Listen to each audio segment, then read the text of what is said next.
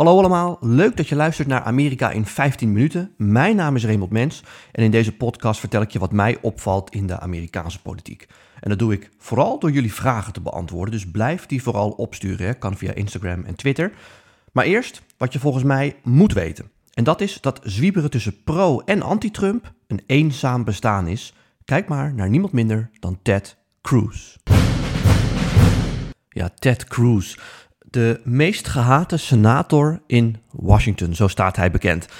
Uh, dat is op zich een pro in de Republikeinse Partij. Hè? Uh, je kunt heel goed campagne voeren en uh, populair worden en herkozen worden als je zegt van ja, al mijn collega's in Washington die haten mij. Dat betekent in feite in de ogen van veel Republikeinse kiezers dat je toch iets goed doet. Dus aan de ene kant maakt Cruz dat populair, aan de andere kant brengt hem dat in de problemen. En die problemen zijn eigenlijk ontstaan door de opkomst van Donald Trump. In 2016 hè, deed Trump mee aan de Republikeinse voorverkiezingen, die won hij. Maar er is één man die ook meedeed, althans er waren heel veel mensen die ook meededen, maar er is één man die ook een goede kans maakte en meedeed en dat was Ted Cruz. En dat zorgde er uiteindelijk voor dat Trump en Cruz samen over waren om te strijden voor die Republikeinse nominatie. En daar is die relatie eigenlijk de soep uh, in gegaan. Uh, Trump heeft Cruz kei en keihard aangepakt. Uh, hij heeft de moord op John F. Kennedy erbij gehaald en gezegd dat de vader van Ted Cruz, die uit Cuba komt, misschien wel daar, nou niet misschien wel, daar iets mee te maken had. Hè. Hij zou uh, daar een belangrijke rol in hebben gespeeld. Nou ja, door Cruz ontkend natuurlijk. Vervolgens heeft hij gezegd, Trump, dat Cruz in Canada geboren zou zijn. Dus eigenlijk helemaal geen president uh, kan worden, want je moet dan in Amerika geboren zijn. Nou, en hij heeft ook wat lelijke dingen over de vrouw van Ted Cruz gezegd. Eigenlijk is die relatie vanaf het begin af aan toen uh, de verkeerde kant op gegaan. Ik kan talloze fragmenten uh, laten horen die dat onderschrijven. Uh, misschien een stukje uit een debat waarin eigenlijk de twee personen van Trump en Cruz samenkomen. Cruz die zegt van ja, maar ik ben een echte conservatief en Trump bedoelt maar alsof. En Trump zegt eigenlijk gewoon van ja, joh, je bent gewoon een vreselijk ventje. Moet je maar luisteren. Um, I like Donald. He is an amazing entertainer. But his policies for most of his thank, life. Thank you very much. I appreciate it. For most of his life, his policies have been very, very liberal. Right now, today, as a candidate, he supports federal taxpayer funding for Planned Parenthood. I disagree with him on that. That's a matter you of principle, and, I, and I'll tell biggest liar. You probably are worse than Jeb Bush. You are the single biggest liar. All right. This guy lied. Let me just tell you, this guy lied about Ben Carson when he took votes away from Ben Carson in Iowa, and he just continues. And today we had robocalls saying Donald Trump is not going to run in South Carolina, where I'm leading by a lot. I'm not going to run. Vote, vote for Ted Cruz. This is the same thing he did to Ben Carson. This guy will say anything. Nasty guy. Now I know why he doesn't have one endorsement from any right. of his colleagues. All right, John, John I, I get Cruz, to respond. pick from the buffet there. He's a nasty guy. well, well, I, I, I will say. Maar ja, Trump won uiteindelijk en Cruz moest kiezen. Steun ik Trump of steun ik Trump niet? Nou, tijdens de Republikeinse Partijconventie, waar Trump in 2016 officieel als kandidaat werd uh, voorgedragen, moest Trump als nummer twee ook iets zeggen. En die zei daar niet: ik ben voor of tegen Trump, maar iets in het midden. Luister maar. If you love our country and love your children as much as I know that you do, stand and speak and vote your conscience. Vote for candidates up and down the ticket who you trust to defend our freedom and to be faithful to the Constitution.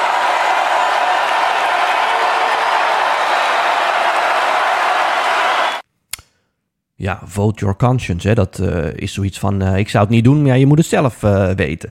Maar ja, we weten allemaal hoe het gegaan is. Trump werd niet alleen gewoon die republikeinse presidentskandidaat, maar werd ook president. En sindsdien is Cruz volledig in het Trump-kamp en steunt hij hem eigenlijk met alles. Met name ook de benoemingen voor het Hoge Rechtshof. Hè. Cruz zou daar zelf ooit als oud-jurist voor in de running zijn geweest. Ja, je merkt toch dat Cruz ook denkt van ja, uiteindelijk moet ik Trump ook een keer los gaan laten. En moet ik misschien ook wel weer voor mezelf een beetje op gaan komen. Uh, en dat probeert hij af en toe te doen, maar het lukt niet echt. Uh, hij deed dat ook deze week, toen hij terecht zei natuurlijk dat de mensen die het kapitool uh, bestormden, dat is vorige week precies een jaar geleden, dat dat terroristen waren. Met name ook de mensen die politieagenten mishandelden. Maar dat werd niet op prijs gesteld. Hij werd daarvoor keihard aangepakt op Fox News. En toen hij dat zag, heeft hij de presentator ook meteen een appje gestuurd. Hè, want die banden tussen de Republikeinse Partij en Fox die zijn heel erg nauw. En gezegd van, joh, mag ik komen uitleggen wat ik precies bedoel in jouw programma? Nou, dat mocht. Maar of dat een hele slimme zet van Ted Cruz was, is maar de vraag. Want ja, bij Fox ben je of voor of tegen Trump. Maar echt een grijze ja, grijze ruimte is er niet echt. En dat ondervond Cruz in levende lijven. Senator Cruz was game enough to come on tonight. We appreciate that. He joins us now. Senator, thanks so much for coming on. So I guess what I, I, mean, there are a lot of dumb people in the Congress. You're not one of them. I think you're smarter than I am. Uh, and you never use words carelessly. Um, and yet you called this a terror attack when by no definition was it a terror attack. That's a lie. You told that lie on purpose, and I'm wondering why you did. Well, Tucker, thank you for having me on. When you aired your episode last night, I, I sent you a text shortly thereafter and said, listen, I'd like to go on because the way I phrased things yesterday, it, it was sloppy and, and, it was frankly dumb. And I don't and buy that. Whoa, whoa, whoa, whoa! I don't buy that. For, look, I've known you a long time since before you went to the Senate. You were a Supreme Court contender. You take words as seriously as any man who's ever served in the Senate. And every word you repeated that phrase. I do not believe that you used that accidentally. I just don't.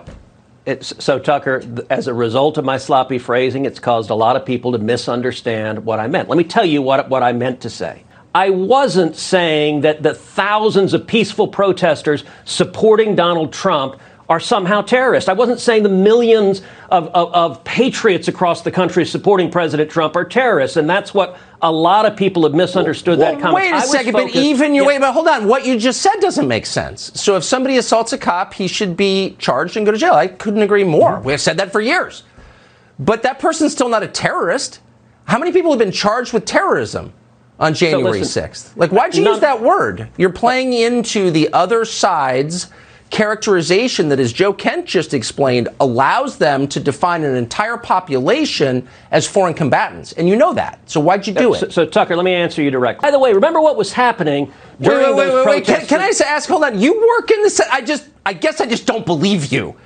En eigenlijk is deze scène tekenend voor het bestaan dat Ted Cruz momenteel leidt. Je kunt in de Republikeinse Partij, en Fox is natuurlijk een onderdeel van die Republikeinse Partij onofficieel, je kunt in die Republikeinse Partij niet voor en tegen Trump zijn. De ene week dit, de andere week dan weer dat. Dat werkt niet en dat merkt hij hier nu ook. Je moet kiezen. Dat is ook de reden dat uh, nou, Cruz nu een heel eenzaam bestaan uh, leidt en eigenlijk een beetje als een pingpongbal heen en weer uh, geslingerd wordt. Maar het zegt veel meer. Het zegt ook dat die keuze bepalend is voor jouw toekomst. En eigenlijk is de enige keuze die je nu in de Republikeinse Partij kunt maken, is om volledig achter Trump te blijven staan. Hè. Daarom, we hebben het vorige week behandeld, zeggen alle kandidaten die een beetje een rol spelen. Uh, en mogelijk genoemd, hè, uh, mogelijk presidentskandidaat uh, kunnen worden, in ieder geval daarvoor genoemd worden, zeggen die nu eigenlijk met zoveel woorden, nou ik wacht eerst af wat Trump gaat doen en dan bepaal ik het wel verder. En je ziet dat de Republikeinen die het niet doen en echt afstand van Trump hebben genomen, Chris Christie is daar een voorbeeld van, de Republikeinse gouverneur van, oud-gouverneur van New Jersey. Die heeft een boek geschreven, Republican Rescue. Nou, was een paar weken terug nog in het nieuws dat het boek helemaal niet loopt. Waarom niet? Ja, er is geen markt voor in die Republikeinse partij. Die partij vindt niet dat de partij gerescued moet worden. Dat gaat hartstikke lekker. Je moet gewoon Trump uh, steunen. Mike Pence is daar natuurlijk een voorbeeld van. Heeft Trump altijd gesteund. Heeft jarenlang als een soort oliemannetje gewerkt. Maar ja, wilde op 6 januari, daar zijn we weer, 6 januari, niet doen wat Trump van hem vroeg. Namelijk die verkiezingen ongeldig uh, verklaren. En Joe Biden het presidentschap ontnemen. Ja, sindsdien probeert Mike Pence toch te kijken van kan ik niet alsnog zelf een eigen presidentscampagne starten. Maar ja, daar is gewoon geen markt voor. En je ziet het ook aan Liz Cheney, die was ook nog in het nieuws omdat zij als een van de weinige republikeinen in die 6 januari commissie zitting neemt en onderzoek doet naar wat er nou precies gebeurd is op die dag en wie daar politiek voor verantwoordelijk is ja, je ziet dat zij moet vrezen voor haar eigen zetel, haar eigen congreszetel in uh, Wyoming. Uh, er wordt gesproken dat zij misschien wel een presidentscampagne start, maar ja, dat is ook een soort redding uit een hele penibele situatie. Nou ja, als ik niet weet wat ik moet, dan maar de vlucht uh, naar voren. en de enige andere republikein die ook in die congrescommissie zit, die heeft al gezegd: ik ga met pensioen. Dus je hebt in de Republikeinse Partij eigenlijk maar twee keuzes. Ik ben voor of ik ben tegen. En als je tegen bent, dan wordt het je heel erg moeilijk uh, uh, gemaakt. Maar in ieder geval is dan duidelijk waar je staat. Uh, en als je zoals Ted Cruz de ene week dit en de andere week dat zegt, ja, dan word je nog harder aangepakt. Want dan wordt er gewoon op de huiszender van de partij Fox News gevraagd. Jongen, zeg het maar. Kiezen of delen. Nou, en als je daar dus geen helder antwoord uh, op hebt, en Ted Cruz uh, heeft dat soms wel, maar soms trekt hij ook zijn keutel weer een beetje in, ja, dan leid je gewoon een heel eenzaam bestaan. En dan moet je vrezen voor je politieke carrière. Goed, tot zover mijn kijk op de actualiteit. Nu naar de vragen die jullie instuurden via onder andere Twitter en Instagram. Oké, even kijken. Ehm, Jelle vraagt: eh, Vorige week was het een jaar geleden, nou, daar hebben we het inderdaad over gehad, dat de kapitoolbestormingen er waren. Vorige week spraken Biden en Harris het volk toe en haalden uit naar Trump. Terwijl Trump zijn persconferentie op Mar-a-Lago annuleerde en eigenlijk geen reactie gaf. Wat zou de reden daarvan kunnen zijn? Ja, goede vraag. Uh, wat ik zelf denk, de, de, podcast van vorige week ging daar natuurlijk ook over, hè, dat Trump zich aan het voorbereiden is op zijn herverkiezingscampagne, of eigenlijk een nieuwe verkiezingscampagne om weer president te worden. En daarvoor moet Trump twee bladzijden omslaan, denk ik. De eerste, daar hebben we het in de podcast van vorige week over gehad. Als je die niet gehoord hebt, luister die uh, dan terug. Ehm, is de situatie rondom het coronavaccin. Hè. daar heeft Trump zich natuurlijk ook een beetje uh, als een pingpongbal gedragen. De ene keer was hij heel erg voor het coronavaccin, de andere keer weer tegen. Nou ja, nu zie je dat hij die coronavaccins omarmt. Hè, dat hij ook zegt van ja, dat is eigenlijk mijn regering die dat allemaal heel snel heeft gerealiseerd. En het is een enorm goede prestatie dat we dat gedaan hebben. Terecht ook dat hij dat zegt. En als je dat vaccin neemt, dan ben je gewoon veel beter beschermd. Dus je ziet dat hij zich nu meer achter die vaccins schaart. En dat is denk ik omdat hij ook weer herkozen wil worden. En gewoon de politieke calculatie maakt van ja, moet je luisteren ik moet dat succes gaan claimen en ik kan me er niet tegen blijven afzetten, want dan raak ik die kiezers in het midden kwijt. En die heb ik uiteindelijk wel nodig om president te worden. Dus een kleine groep, maar wel een grote eh, een groep die een grote invloed heeft op de presidentsverkiezingen. Dus die kiezers heb ik nodig. En de tweede bladzijde die hij om moet slaan, ja, dat is die zwarte dag uit zijn uh, geschiedenis, namelijk die bestorming op het Capitool. Hè. We hebben net Ted Cruz gehoord, die noemt die mensen dan terroristen. Nou, daar ontstaat dan weer een discussie over. Ik heb zelf bij op gezegd vorige week dat ik denk dat het een situatie is die eigenlijk, hè, waar, waarbij twee dingen samenkwamen. Ja, team Trump heeft gewoon geprobeerd om die verkiezingen nietig te laten verklaren en om eigenlijk Trump aan de macht te houden. En daar hebben ze maximale druk voor willen uitoefenen. En daar is die demonstratie een onderdeel van. Tegelijkertijd is die demonstratie uh, verder uit de hand gelopen dan gedacht. En die twee dingen kwamen eigenlijk samen. Hoe dan ook, Trump wordt daar als politiek verantwoordelijk voor gezien. En uh, ja, als, een groot, als, als die kiezersgroep in het midden weer, hè, die kleine maar belangrijke groep, denkt dat jij een soort dictator in wording bent, nou dan word je in ieder geval geen president meer.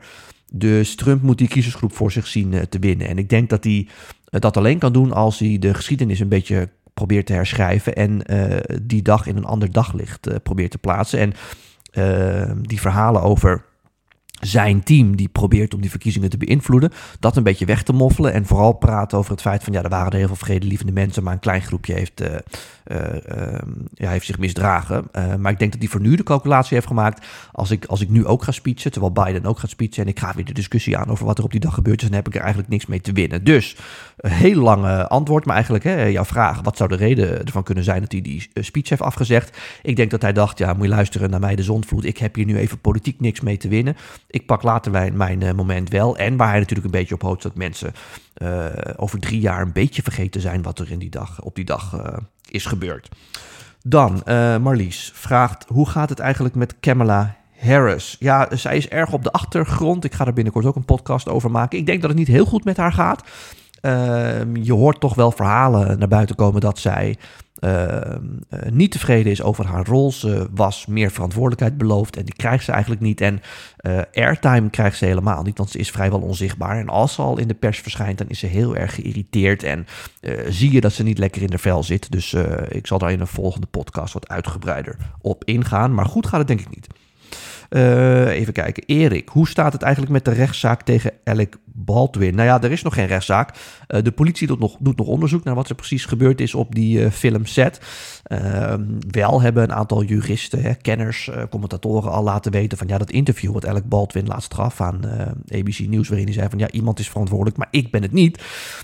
ja, de vraag is of dat heel slim is geweest, want daar zei hij eigenlijk van joh, de wijze waarop we daar met pistolen omgingen.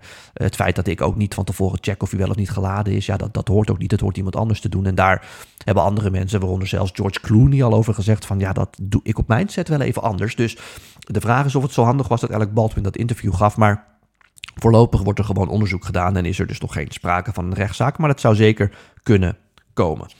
Uh, Johan, ga je nog naar VI vandaag? Uh, nou ja, ik denk het wel. Uh, er is gevraagd of ik af en toe wil aanschuiven. Dus hè, aan de bar daar, geloof ik. Dus ik ben benieuwd. Ik hoor het wel. Er moet natuurlijk iets met Amerika spelen. Ik sprak Johan vorige week nog bij op één. En toen hadden we het erover dat ik hem ongetwijfeld snel ga zien. Dus dat komt denk ik wel goed. Uh, en dan heb ik nog een laatste vraag, die is van Ivan. Uh, waarom ben jij zo'n goede Amerika-kenner? Nou, ik ga ervan uit dat het grappig bedoeld is. uh, het enige wat ik probeer te doen, is wat ik eigenlijk ook in deze podcast doe, namelijk een beetje duiden wat daar gebeurt. En wat ik belangrijk vind, is dat luisteraars, in dit geval of televisiekijkers of lezers van een boek, uh, daarna zelf hun oordeel uh, kunnen vellen. Of, of me dat eh, goed of slecht maakt, weet ik niet. Maar dat is wat ik doe en daar ga ik maar lekker mee door. en ook dus in deze podcast, want hiermee zijn we alweer aan het einde van deze podcast. Lekker kort een kwartiertje, maar goed, dan kan jij weer lekker andere dingen doen. dank voor al jullie vragen. Opnieuw, hè, blijf die opsturen, dan kan ik die weer beantwoorden volgende week. Volgende week weer een nieuwe podcast. Tot zover. Tot volgende week.